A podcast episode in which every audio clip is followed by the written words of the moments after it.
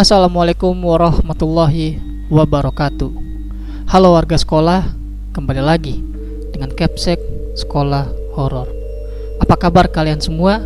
Semoga baik-baik saja. Di kisah kali ini akan menceritakan mengenai Kukira buah kelapa. Ternyata kepala pocong. Kisah ini menceritakan mengenai hal-hal misteri yang terjadi kepada sang penulis Bian ketika pada suatu malam dia harus tinggal di rumah nenek atau mbahnya. Cerita ini bersumber dari akun Twitter @bian underscore sabil 1. Sebelum kalian mendengarkan cerita ini, Capsek akan berterima kasih untuk like, share, dan komen kalian di video ini. Lanjut saja, saatnya kelas dimulai.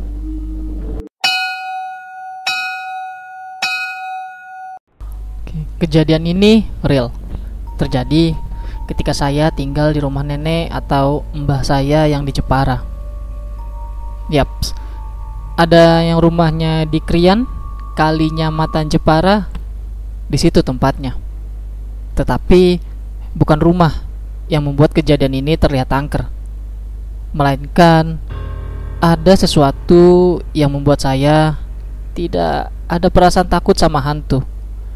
Ya karena kejadian ini keluarga saya yang sebelumnya pindah dari Larangan, kota Tangerang ke Jepara. Waktu itu tahun 2005 setelah kakek saya meninggal. Kakek saya berwasiat kalau di rumah Jawa tidak ada yang nempatin sepeninggal kakek, nenek tinggal sendiri di Jawa dan tidak ada yang menemani akhirnya sepeninggal kakek. Keluarga saya yang sebelumnya tinggal di Larangan kini pindah ke kota Jepara menemani nenek yang tinggal sendiri di rumah Jawa. Jadi tuh kakek saya memang punya dua rumah. Yang satu di Larangan, satunya lagi di Jepara. Kakek saya kadang pulang pergi bolak-balik Jepara Tangerang karena dua rumah itu. Tetapi semenjak kakek saya sakit tahun 2000 jadi kakek dan nenek saya tinggal di Jepara. Oke lanjut. Akhirnya sekeluarga saya pindah deh dari Larangan ke Jepara. Kerja di sini, sekolah di sini, dan dididik pun di sini. Di Jepara. Akhirnya kita tinggal dong di Jepara. Kita bingung tuh. Kita harus bisa beradaptasi dengan kehidupan sana, bahasa Jepara. Lanjut. Waktu itu sekitar tahun 2013. Saat itu saya sudah SMP kelas 3 dan waktu itu adik saya masih SD cuma saya lupa kelas berapa. Sekitar kelas 4 atau 5 gitu. Kita di rumah Jawa tinggal berlima. Ayah mama saya adek dan nenek. Atau biasa kita sebutnya Mbak Uti. Rumah saya di Jawa Tengah itu bukan rumah yang modelnya modern Rumah itu bermodel rumah adat Jawa Tengah, yaitu joglo dengan tiang empat menjulang menompang atap. Dulu rumahnya sangat kuno dan klasik.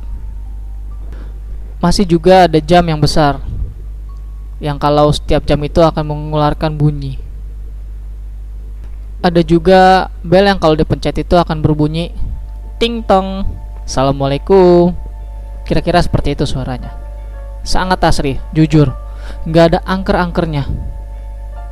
Dan yang menjadi masalah sebenarnya juga bukan rumah itu.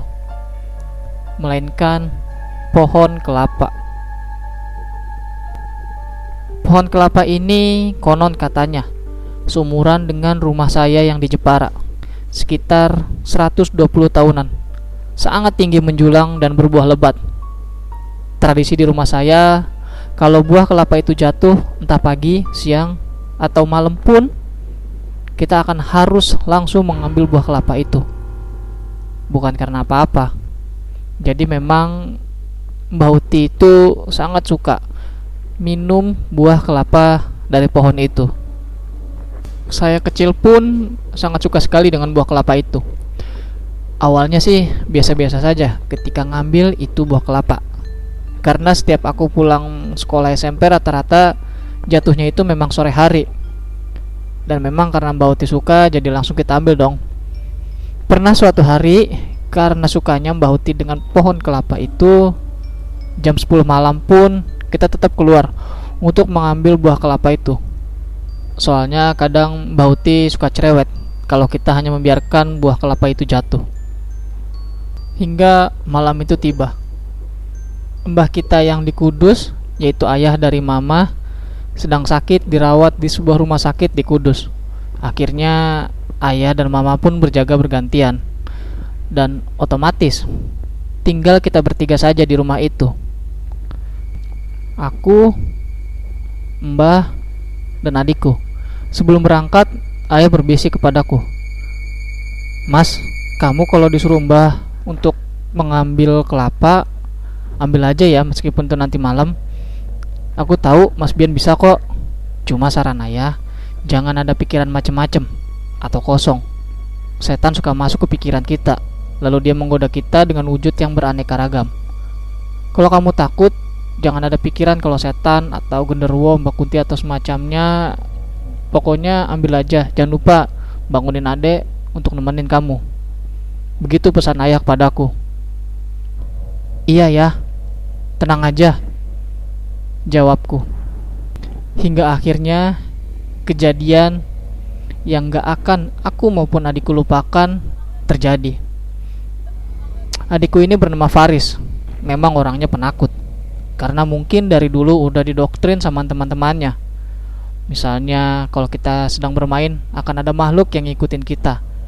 Atau dari kamar mandi akan ada sesosok yang mengintip dari bawah. Pokoknya hal-hal semacam itu. Dan itu yang membuat dia menjadi penakut. Habis maghrib, seusai sholat di masjid, kita tadarusan bentar di rumah sama Mbak Uti. Ya, kita bertiga aja. Jujur dulu aku sempet takut sama rumah Mbak Uti itu. Saking takutnya, kursi goyang yang biasa dipakai buat ngaji Mbak Uti, aku patahin. Biar Mbak Uti nggak pakai lagi. Jahat ya mungkin. Karena emang udah ada rayapnya juga sih. Jadi dengan semangat aku pun hancurin dan patahin tuh kursi goyang. Sebelumnya aku perjelas lagi nih ya kondisi malam itu. Kamu bayangin aja kondisi kampung kayak gimana. Habis maghrib pun sepi banget nggak ada aktivitas. Hanya suara lalu lalang motor yang waktu itu jarang banget yang lewat. Kita skip langsung di jam sebelasan. Ayah dan mama masih berada di rumah sakit di daerah Kudus, menemani mbah yang ada di rumah sakit. Tapi ayah sempat cerita, waktu dia pulang dari rumah sakit, kalau waktu di RS memang udah ada rasa kalau akan ada yang mengganggu anaknya. Karena menurut ayah saya itu hanya pocong yang sejak kecil suka menemani saya dan kini ingin bertemu kembali karena tahu kalau saya sudah punya adik. Balik lagi ke rumah, sekitar jam 11-an udah pada tidur. Cuma TV memang masih nyala. Soalnya di saya nggak bisa tidur kalau nggak ada suara yang nemenin dia tidur. Terus anggota badannya setidaknya harus menyentuh badan saya dan tahu kalau saya itu masih nemenin dia. Penakut sih memang, Sedangkan diriku masih bangun, masih menonton salah satu sinetron yang ada di TV. Hingga tiba-tiba dikebangun. Mau ke mana dek? Mau pipis mas? Jadi matiin TV-nya kalau aku udah nonton. Aku takut mas. Jangan lupa disiram ya. Begitu jawabku. Oh ya Riz, jangan lihat ke atas kalau lagi pipis diriku mengingatkan kepada adikku itu.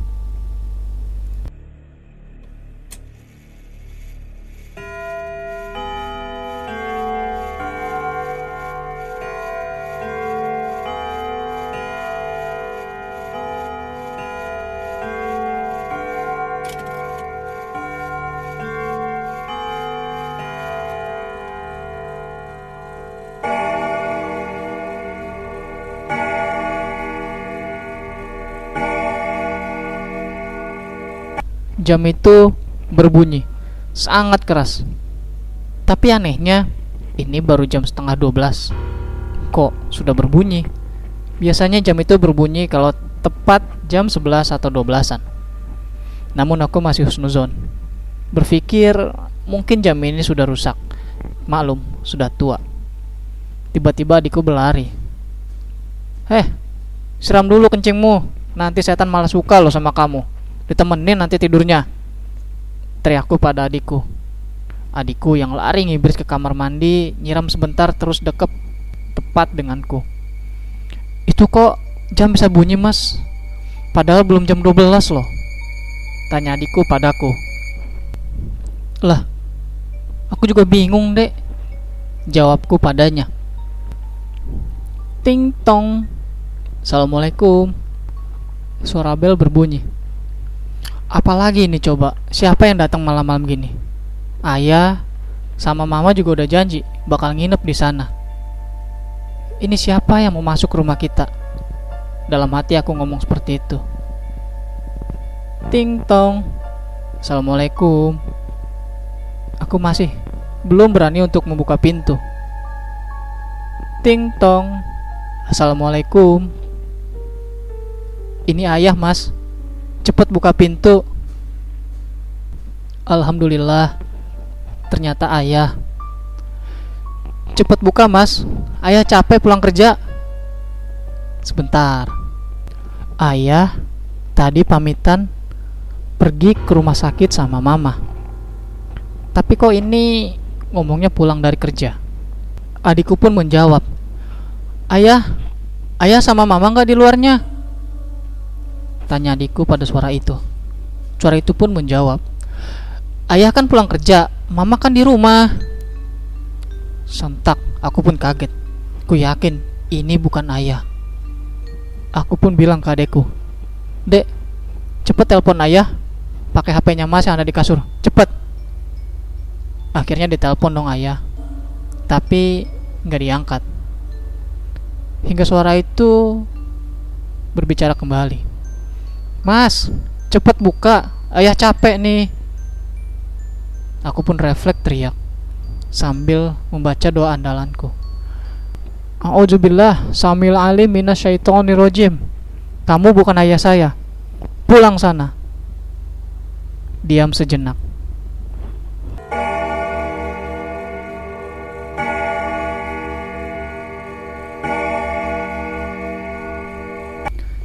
Ting tong. Assalamualaikum.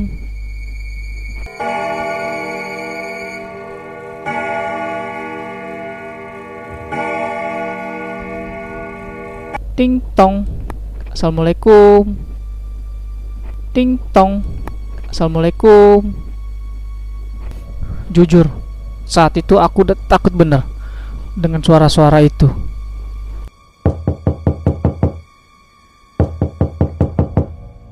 Ting tong. Assalamualaikum. Mas, cepet buka. Aku takut, sumpah, demi apa pun, hingga aku pun berpelukan sama adikku. TV pun kami nyalakan suaranya sekencang-kencangnya. Pokoknya bodo amat, kita ketakutan.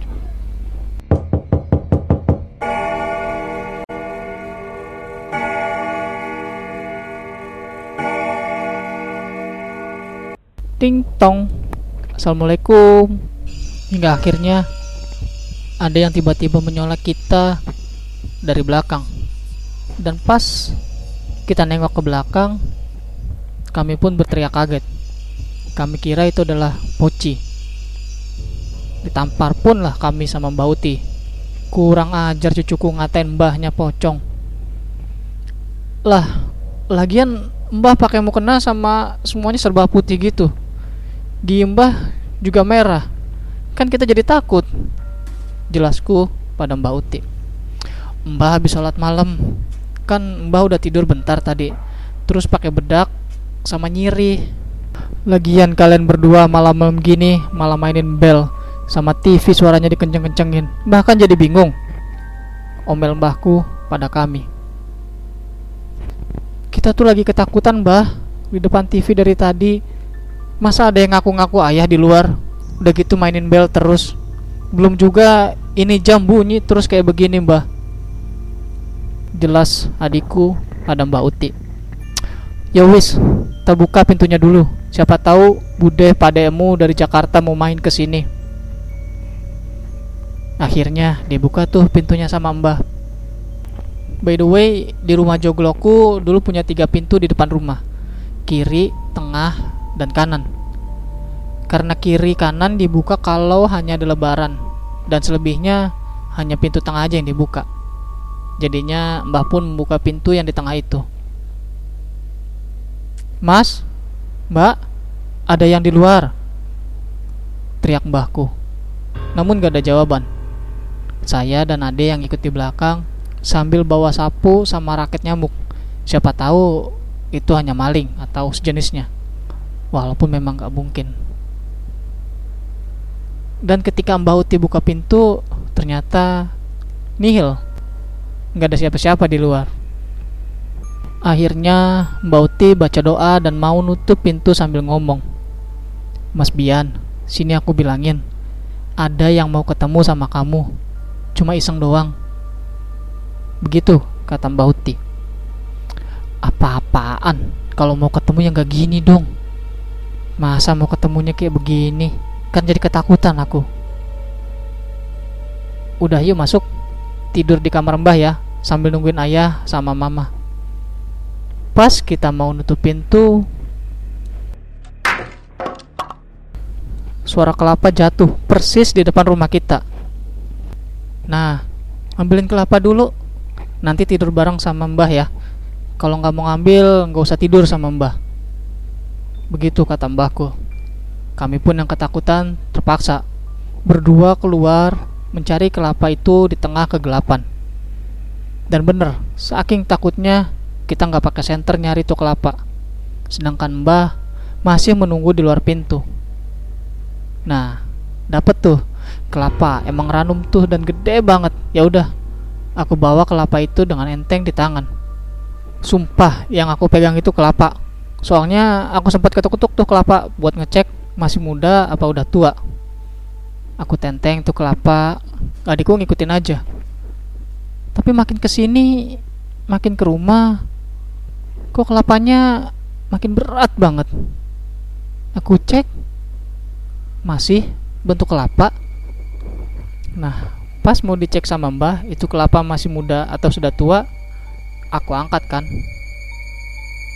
namun tiba-tiba bau bunga kenanga sama bunga melati tercium di sekitar kita kita bertiga merasa bau ini dan mencari penyebab bau ini pas semua lihat ke bawah dan melihat ke buah kelapa.